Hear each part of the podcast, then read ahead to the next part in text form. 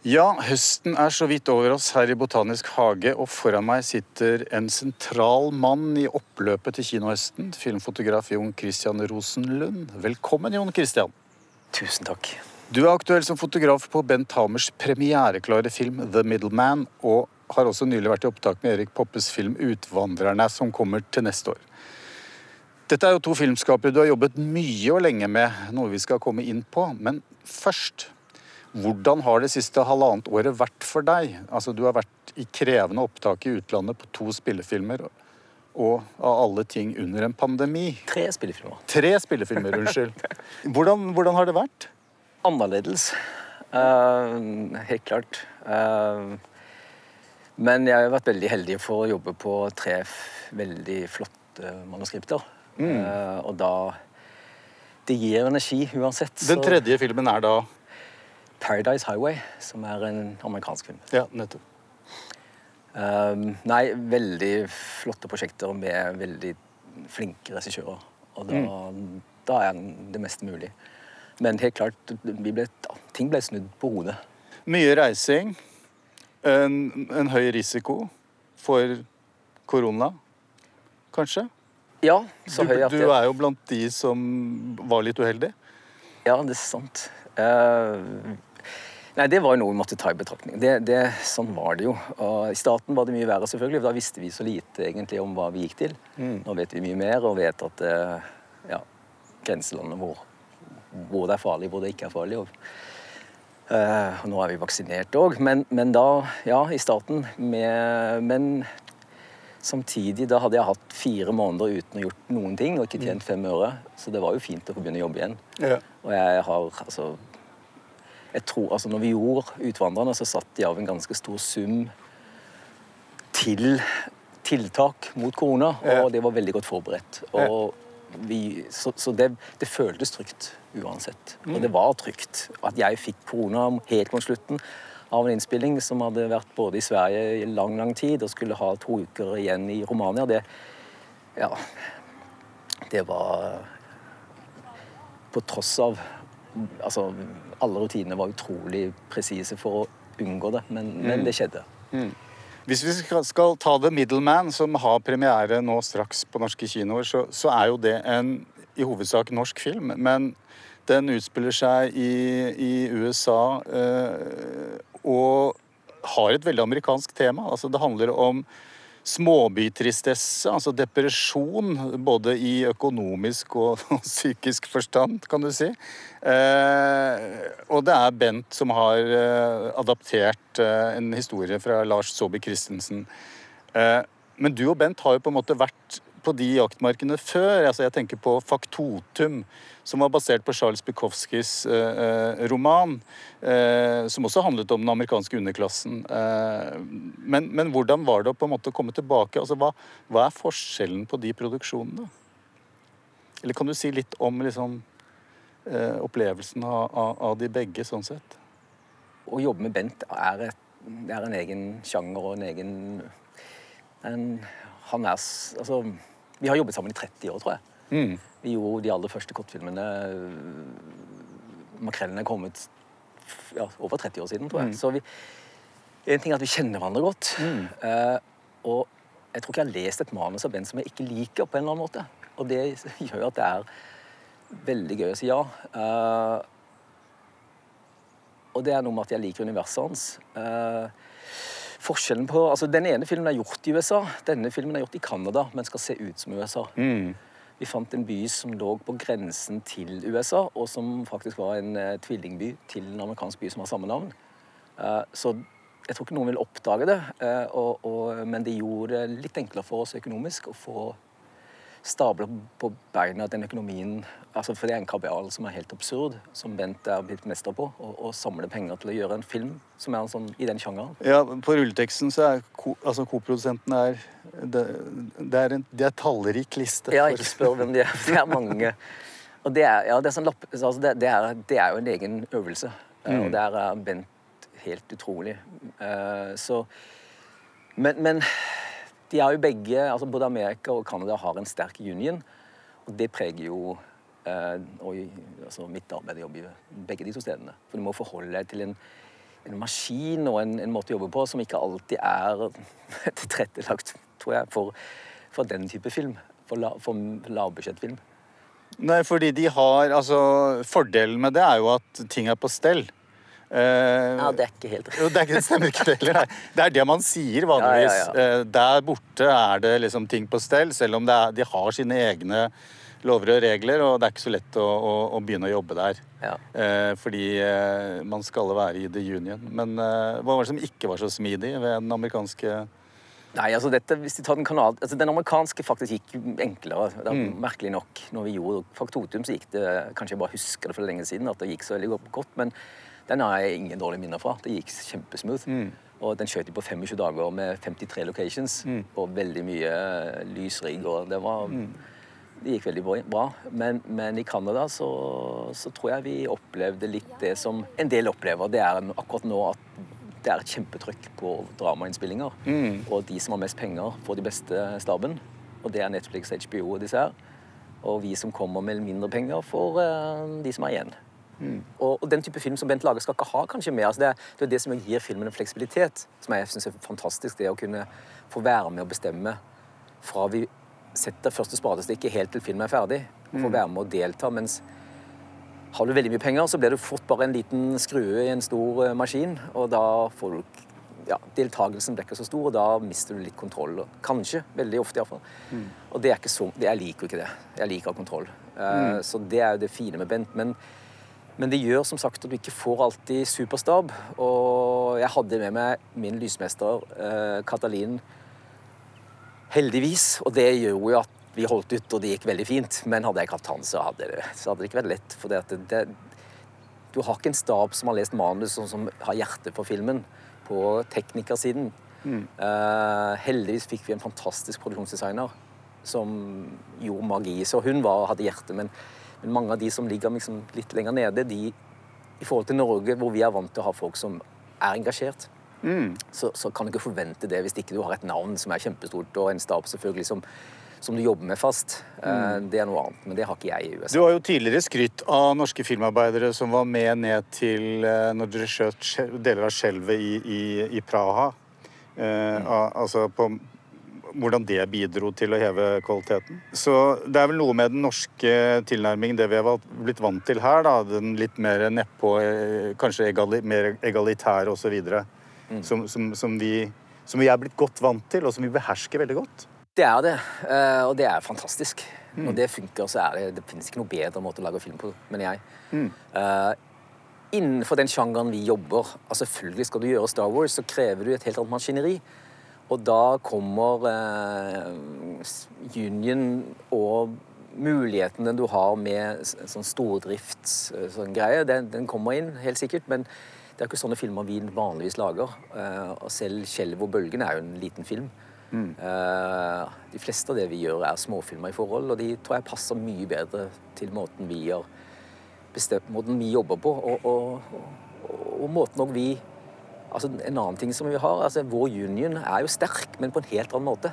Mm. Og jeg tror Den store forskjellen er at vår union trenger ikke forholde seg til, eh, til um, social security, som er liksom grunnsteinen i union i USA. Det er grunnen at du ble medlem i første omgang. Mm. Det har vi ikke i Norge. Du er født med den som en del av livet ditt, og, så du kan fokusere annerledes. Mm. Uh, og det gjør at jeg tror uh, Det gjør det enklere for oss. For det, vi har ikke de Union har fokuserer annerledes i, i Norden enn de gjør i USA. Der tror jeg faktisk det var golfbilen til en av de ansatte i Botanisk hage som kjørte forbi. Der, den heter Brad, oppkalt etter Brad Pitts golfbil i uh, Once Upon a Time in Hollywood. Det var bare en liten, uh, liten sånn uh, malapropos her. Men, men, tilbake til The Middleman og det visuelle universet i filmen. Altså, det er jo en slags Det er jo en Bent Hamersk tristesse, om jeg skal kalle det det, av mangel av et bedre ord. Men det er en amerikansk småbytristesse vi har sett før. altså det er det, er, det, det, kunne vært en, en, sånn realistisk film noir eh, fra småby-Amerika. Men, men, kan du si litt om, om det visuelle universet? Altså, hvis vi skal beskrive det for lytterne? Å, det syns jeg alltid er vanskelig. Ja, Noen inspirasjoner? Uh, ja. Man har jo et hav av ta i amerikansk film. Ja, altså selvfølgelig altså, jo, altså, Jeg er jo veldig Roger Deakins-fan. Det er jo ingen tvil om det. Altså, jeg, Eh, Fotografen Roger ja, Deakins. Roger ja. Mm. Deakins som har skutt veldig mye av Coen-brødrene sine filmer. De fleste av de. Uh, altså Jeg liksom kan skryte på meg jeg har truffet mange stjerner, og, og det går greit, for jeg jobber jo med stjerner, men jeg traff han uh, sånn ansikt til ansikt, så fikk jeg ikke, fant ikke ut hva jeg skulle si. Altså Jeg sto helt stille. Altså det, jeg var så starstruck. Så, det, så han er jo en helt. eh, og det påvirker selvfølgelig mye av det jeg gjør, for jeg syns jo at eh, han har lært meg veldig mye av hvordan, eh, hvordan fortelle en historie. Um, så det ligger nok en del av det i, i, i den filmen, og kanskje det svarteste han har gjort. Altså Der hvor han går enda mer ned i svart. Altså Der hvor dynamikken mellom lys og skygge er større. Um, den delen av Cohen, tror jeg, brødrene, og den delen av Dickens er nok der vi er kanskje en del. Mm. Men det er jo en blanding. Det er jo, det er jo en tråd mellom, tror jeg, mellom mye av det vi har gjort før. Mm, altså Bent Hammer og, og meg. Så, så, så det Vi snakker jo ikke så veldig mye om hvordan stilen skal bli, egentlig. Vi bare gjør det. Også. Faktotum utspilte seg jo i California, det solfylte. Såkalt. Ikke akkurat solfylt for eh, rollefigurene. Eh, mens det her er jo på en måte i det, i det mer eh, høstlige, vinterlige Altså det er grå skyer. Eller var det det? Jeg fikk inntrykk av at det var veldig mye grå skyer. Ja, det var jo en del regn. Vi, Ja. ja. det var regn helt fram til mot slutten, så har vi litt mer sol. Så kommer det noe sol inn. Eh, Mye av min stil er nok Eller stil, hvis det er noe stil, så er det Jeg leser et manus og prøver å bli inspirert av det. Og la det styre meg i de valgene jeg tar, og ikke tenke på hva jeg har gjort før. Fordi det er dårlig gjort mot det prosjektet jeg nå er på. Jeg liksom prøver å unngå å si at nå har jeg en verktøykasse som jeg skal bruke, for nå har jeg lært å bruke den. Det, jeg prøver å lukke den og si at det fins ikke noen verktøykasse. det fins bare et manus, og så må jeg begynne på ny. Uh, og da forhåpentligvis så skjer det noe nytt. Så, som ikke blir en repetisjon av den forrige filmen. Men, men du har jo på en måte hatt en felles verktøykasse med, med Erik Poppe, eh, som, er, som er regi på 'Utvandrerne', og, og Bent på, på The Middleman. Og dere har jobbet sammen i Du var inne på det. Er det 30 år siden du jobbet med Erik Poppe første gangen? Nei, med Bent er det over Bent. 30, men fem med Erik, så En kortfilm vi gjorde før Spa, jeg vet ikke hvor lenge siden det er, men det er, det er jo lenge siden. Det er mange uker siden. Ja. Dere har da en del felles referansepunkter, og er det sånn at dere dere vil vel ikke gjenta dere selv, da, men på- samtidig så kan du si at det er jo noen gjennomgangstemaer i, i begge regissørenes filmer. En Bent Hamers film greier man på en måte å kjenne igjen Ja, ganske er, tidlig. Det har, du, det har du helt rett i. Og det, og det tror jeg handler om veldig mye om måten Bent skriver på. Ja. Så du sier jo ikke til. Bent Men må du slutte å repetere deg selv? Eh, altså Nei. Det er jo du, du, kjenner, du, du kjenner han godt som filmskaper og vet, vet på en måte hva som er hans særegenheter. Da. Og det er jo det som på sett og vis skal frem. Ja, det har du helt rett i. Det er en tråd gjennom det han har skrevet og det han har gjort, som vi ikke snakker om, og som, som vi fortsetter på med. Så, er- så vi, vi har nok En intuit, et intuitivt samarbeid. Ja. Mm. Det er det jo. Men, men det merkelige med Bent er at vi snakker nesten ikke aldri om film. Vi snakker om andre ting. Og han er livredd for å komme referanser til filmer når vi skal gå i gang med noen nye ting. Mm. Uh, jeg kan foreslå et eller annet, så sier han ja, ja, ja, kanskje. Ja. men så, så vi prøver jo, men, men samtidig, så, som du sier, så ligger der, der ligger jo en bunn der. Og den, men den det er jo sånn når, når skuespillerne også spør Bent om ja, hvordan skal jeg tenke, hva skal jeg gjøre her? Nei, men gå, les manus en gang til. Så det står der. Uh, og det gjør jo ofte det i manus til Bent. De er veldig godt beskrevet, og, og han vil folk skal tolke det selv, og så komme med forslag. Og så velger han ut ifra forslagene, men det er ikke sånn at han sitter og styrer noe i noen retning. Så det kunne gått galt i alle retninger, egentlig, men, men det, det gjør det ikke. For de er, som du sier, vi har holdt på i 30 år. Det er jo snart altså over 40 år siden Jan Troell lagde 'Utvandrerne', som jo er regnes som en klassiker. Og så Jeg ble jo litt overrasket når, når dere gikk i gang med en ny versjon av den, eh, den bok Altså, det er jo basert på en romanklassiker. Eh, Jeg, jeg regner med at dere har en viss ærefrykt overfor Troels eh, film. Eh, eller kanskje ikke. Men, men, men altså Hva slags univers er det vi møter på i den filmen kontra den klassikeren? Det er, den samme, det er det samme tidskolorittet, ikke sant? Det er det. Altså, kan jo først si at Hadde Erik sittet her, så hadde han nok helt sikkert sagt at det, Torell er en av hans aller største helter. Ja. Det vet jeg han det er. Ja. Og Torell har fulgt innspillingen og sett mye av det vi har gjort. Mm. Og han har, liker det veldig godt.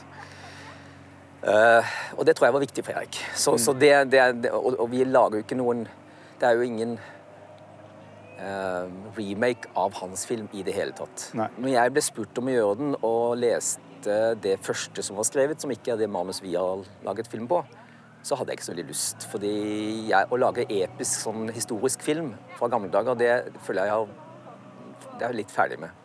Ja. Ehm, jeg skal ikke si at jeg ikke Men, men det, det er ikke så interessant. Eh, mens historien om, om en kvinne som, som er Altså, en tid i Sverige og i Norge hvor religion var kjempetrykkende, spesielt for kvinner, hvor det måtte være tildekket. Du var fattig, barna dine dør av sult, og du, mannen finner ut at det finnes en mulighet til å kanskje få et bedre liv. Der de bor, har de ingen mulighet til å noen gang eh, få det bedre, fordi du er støkt i en sånn den måten det Sveriges samfunn var bygd opp på i Norge, med husmanns... Eh, altså, du, du, eide ikke noe. Og du visste at du, du, du ble født fattig, og du døde fattig. Og så ser du muligheten til å kunne få det bedre. Og du selger alt du har. Du kommer om bord i en båt som, som er en bedriten båt som noen ble eid av nordmenn som tjente sine første kroner for å bygge opp eh, rederbransjen i Norge. Eh, folk døde underveis. Og du kommer fram til et land hvor du ikke kjenner noen, du kan ikke språket, du blir lurt.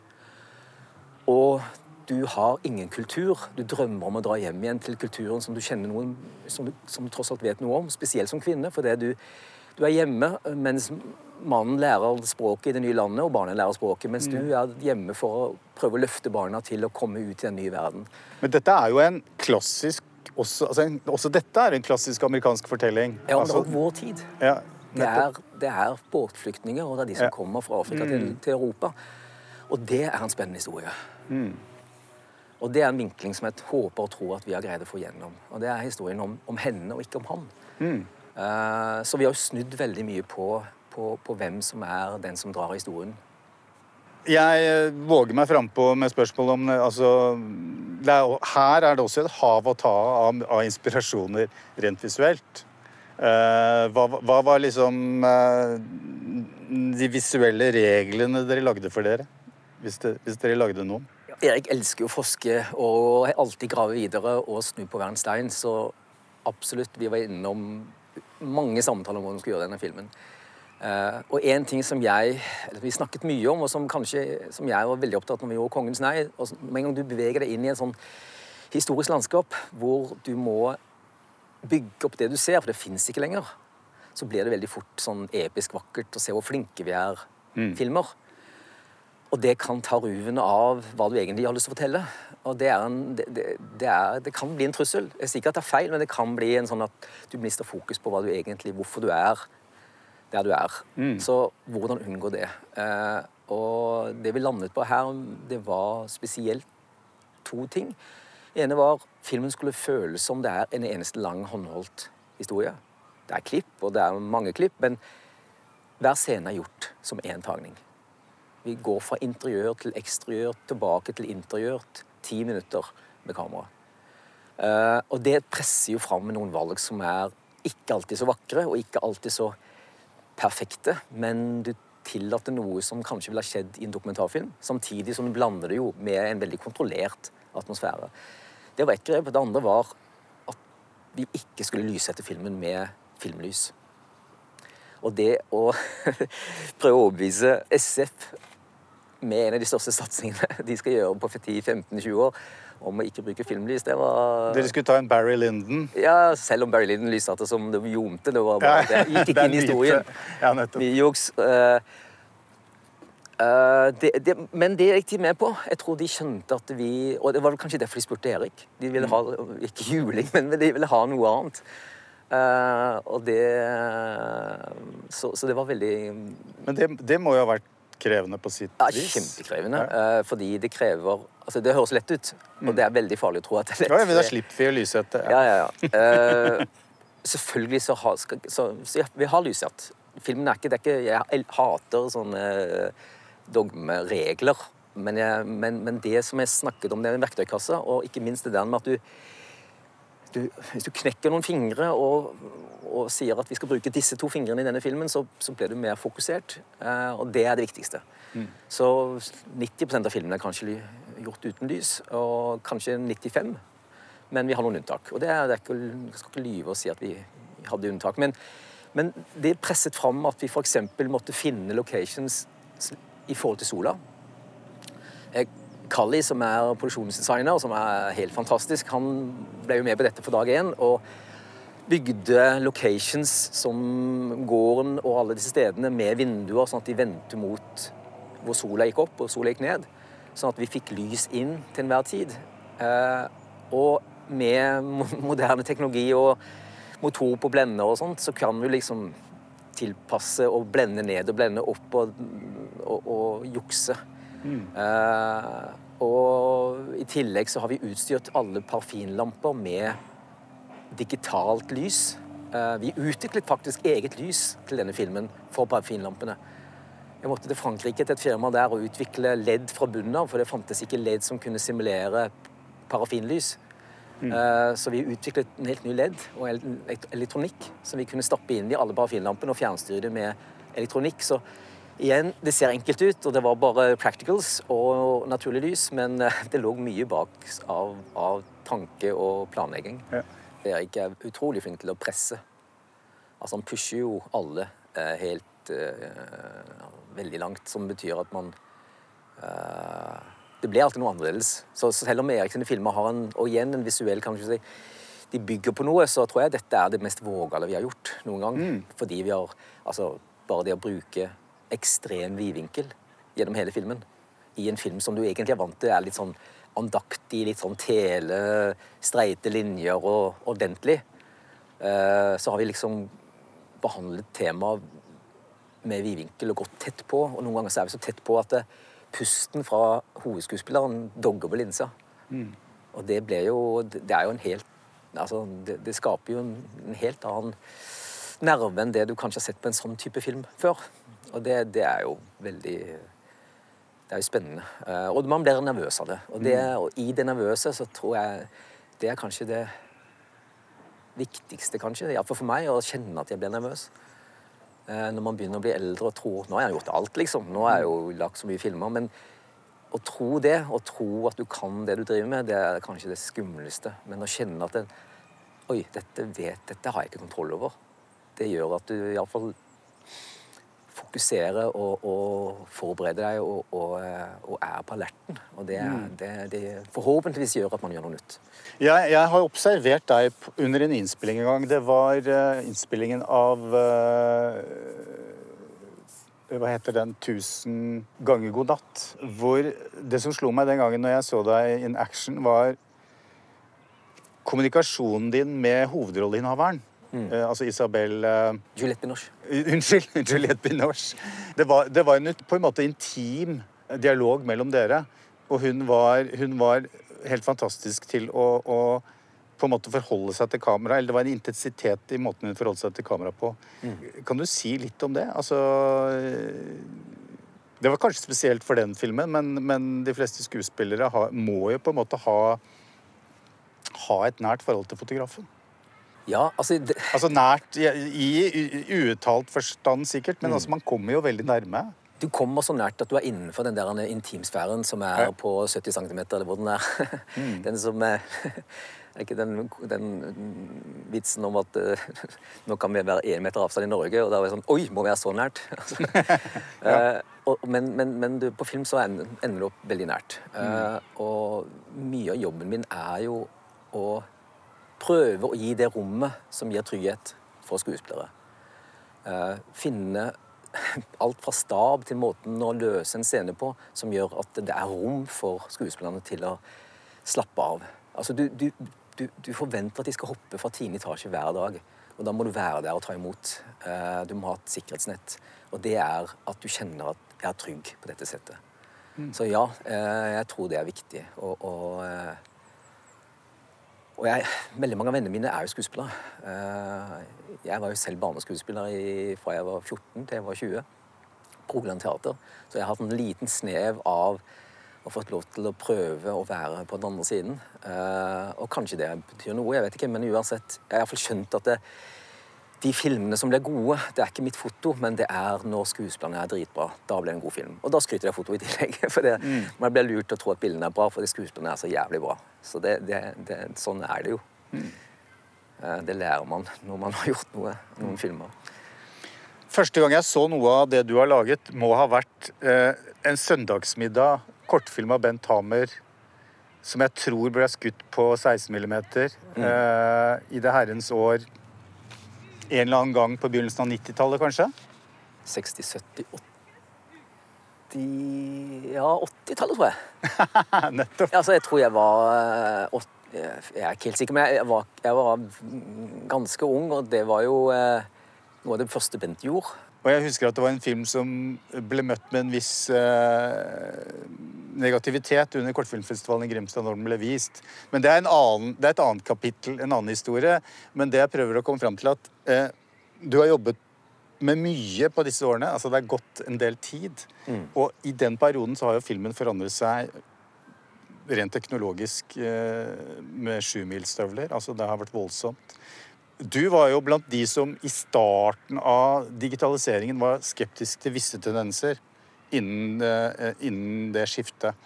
Eh, men så har du på en måte omfavnet hele Ikke hele, men du har omfavnet egentlig eh, det digitale og har blitt en slags pioner også. Du har forsket litt på det. Så det, det har vært litt, altså litt, av en reise, da. Denne perioden her rent teknologisk. Men, men det har kanskje ikke forandret så mye når det kommer til stykket, da når vi sitter her og snakker om uh, hvordan, man, hvordan, man, opererer på et sett. Altså, Med Bent så kunne vi ha skutt på film, og vi har vel gjort samme filmen. Ja. Uh, med Erik så kanskje ikke, for det ruller så mye at det ville blitt veldig dyrt. Uh, men Nei, jeg var skeptisk til digitalt veldig lenge, og jeg tviholdt på film helt til det digitale ga meg muligheter som ikke filmen hadde. Og det er jo det det handler om. Altså, jeg er på jakt etter muligheter til å fortelle en historie. Mm. Men jeg ville ikke bli styrt av noen som hadde funnet opp noe som de skulle selge til meg fordi de skulle tjene penger på at de hadde funnet opp noe. Altså, Det ble feil vei å gå. Mm. Og film er fremdeles et fantastisk medium. Etter altså, over 100 år siden det ble funnet opp, så, så kan du putte et filmnegativ i et gammelt kamera fra 30-40-tallet og få mm. 2000 og, altså 2021-kvalitet på bildene dine. Og det er en trussel mot Sony og alle de andre som skal helst selge, og du skal kjøpe nytt i løpet av to mm. år. Mm. Så den har jeg ikke lyst til å være med på. Men så når jeg har gått inn i det digitale, så har det vært for å lære så mye at jeg forhåpentligvis kan styre den prosessen. Så jeg har jo sittet og ledet teknisk komité for Imago og, vært, og jobbet tett med, med ASC i USA. Eh, for å prøve å finne ut hvordan skal morgendagens teknologi for være for at den skal være for oss, og ikke motsatt vei. Mm. Uh, og det er jeg veldig opptatt av. Og det er òg derfor jeg har startet uh, DryLab, som, som, som, jobber Som er et software som er dedikert for at vi skal ha kontroll over det digitale mediumet. At vi skal, som, som filmskapere skal, skal sette våre vår signatur på hva vi gjør, at det som vi gjør på settet, skal følge prosjektet videre. Mm. Når vi skjøt på film, så kunne vi på en måte gi signaturen til prosjektet når vi filmet. For det vi eksponerte på en måte, vi, vi fremkalte på en måte, og du var låst til at sånn skulle filmen bli. Med en gang du går inn i en datamaskin, så er det tall, og de kan du manipulere i alle retninger. Og hvis ingen har da gitt den en signatur og sagt sånn skal det se ut, og det følger prosjektet som digitale filer og sier det er sånn det skal se ut, det var regissøren og fotografens intensjon, så, så, så, kan, så, er du fritt vilt. Og da kan folk flytte den filmen i alle retninger og la en morgenscene bli en dagscene, bli en dagscene, bli en kveldsscene. Og, og det er greit hvis det er regissøren som bestemmer det, men ikke andre. Så kontroll er viktig eh, for deg. Men, men, men, kontroll er også viktig, altså ikke bare for, for si, filmskaperen og fotografen, men kanskje også for bransjen. da. Altså Kontroll over rettigheter osv. Altså det er det er noen formidable altså Det er litt av et landskap som ligger foran uh, oss nå. altså Hvor det er en del ting som må komme på plass. Er du, er du optimistisk på vegne av altså, den norske bransjen? Store aktører ja, beveger seg altså, inn. Faktisk der må jeg skryte og si at uh, Filmforbundet med FOR har fått til veldig mye. Mm. Uh, imponerende arbeid på kort tid. Relativt altså kort tid i en sammenheng når du ser altså, eh, hva som har skjedd i resten av Europa og resten av verden, så sitter vi nå og begynner å forhandle fram avtaler, selv med de store aktørene som Netflix og HBO, som er imponerende. Mm. Uh, som jeg ikke trodde vi skulle få til. Uh, men det handler jo om at vi faktisk uh, har en union som som, som, kan streike, som kan stoppe en, et prosjekt. Og så lenge folk vil filme her i landet, så, så må de godta måten, de premissene vi setter. Og det, det, er, det, er, ganske imponerende. Og jeg vil si Norden generelt så har vi greid å få til det. Uh, og, og det, det, er veldig annerledes enn det er i Statene. Der du har sånn total buyout på alt. Mm. Og der noen blir rikere og rikere, og noen bare blir fattigere og fattigere. Mm. Så jeg, jeg er ikke så pessimistisk, selv om jeg er selvfølgelig redd for at vi vi ender opp med noen veldig få store, tunge aktører som skal eie alt. Eh, det er jo, det er jo, det er jo aldri bra. Det er, det er, ikke konkurranse engang. Altså, det er egentlig det motsatte av, fri, av konkurranse. Så, så, det er heller ikke en sånn fin amerikansk idé om at eh, alle skal få lov til å komme til uh, i det, når, når, noen veldig få blir så uh, mektige. Mm. Jeg lurer på om vi skal stoppe der, jeg, Jon Christian. Uh, takk for at du ble med i Filmsamtalen. Tusen takk, og veldig gøy å være med.